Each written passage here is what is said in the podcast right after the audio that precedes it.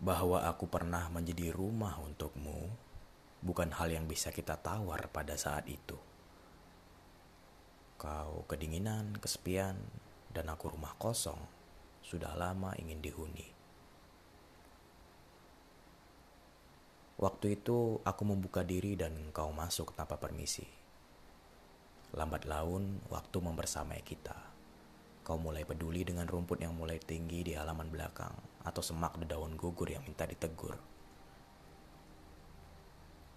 Kesepian mulai minder berada di tengah-tengah kita. Kekosongan disesaki rasa hangat yang penuh.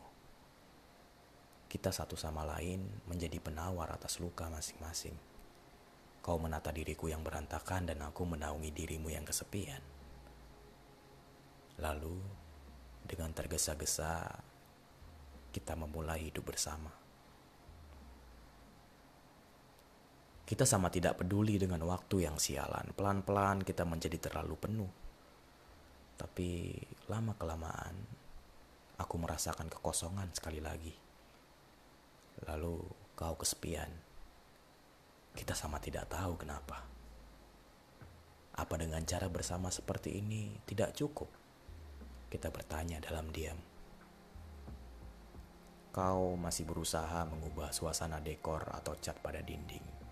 Aku mulai mengganti topik-topik pembicaraan kita dari bahaya gula bagi kesehatan menamai bintang-bintang saat malam. Tapi aku tidak pernah setuju dengan dekor yang kau lakukan, apalagi warna dinding yang terlalu terang.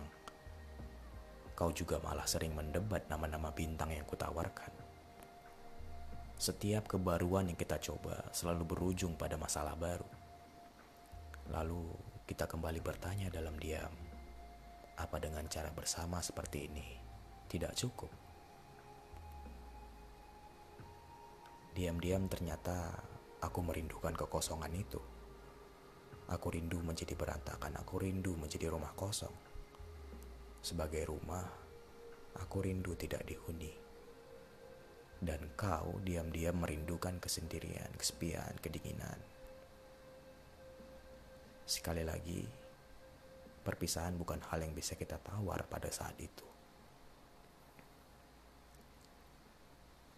Sekarang Aku paham, rindu itu hanya membuahi penyesalan. Dan sebenarnya solusi atas semua itu bukan kepergian. Barangkali memang butuh pergi untuk tahu makna pulang.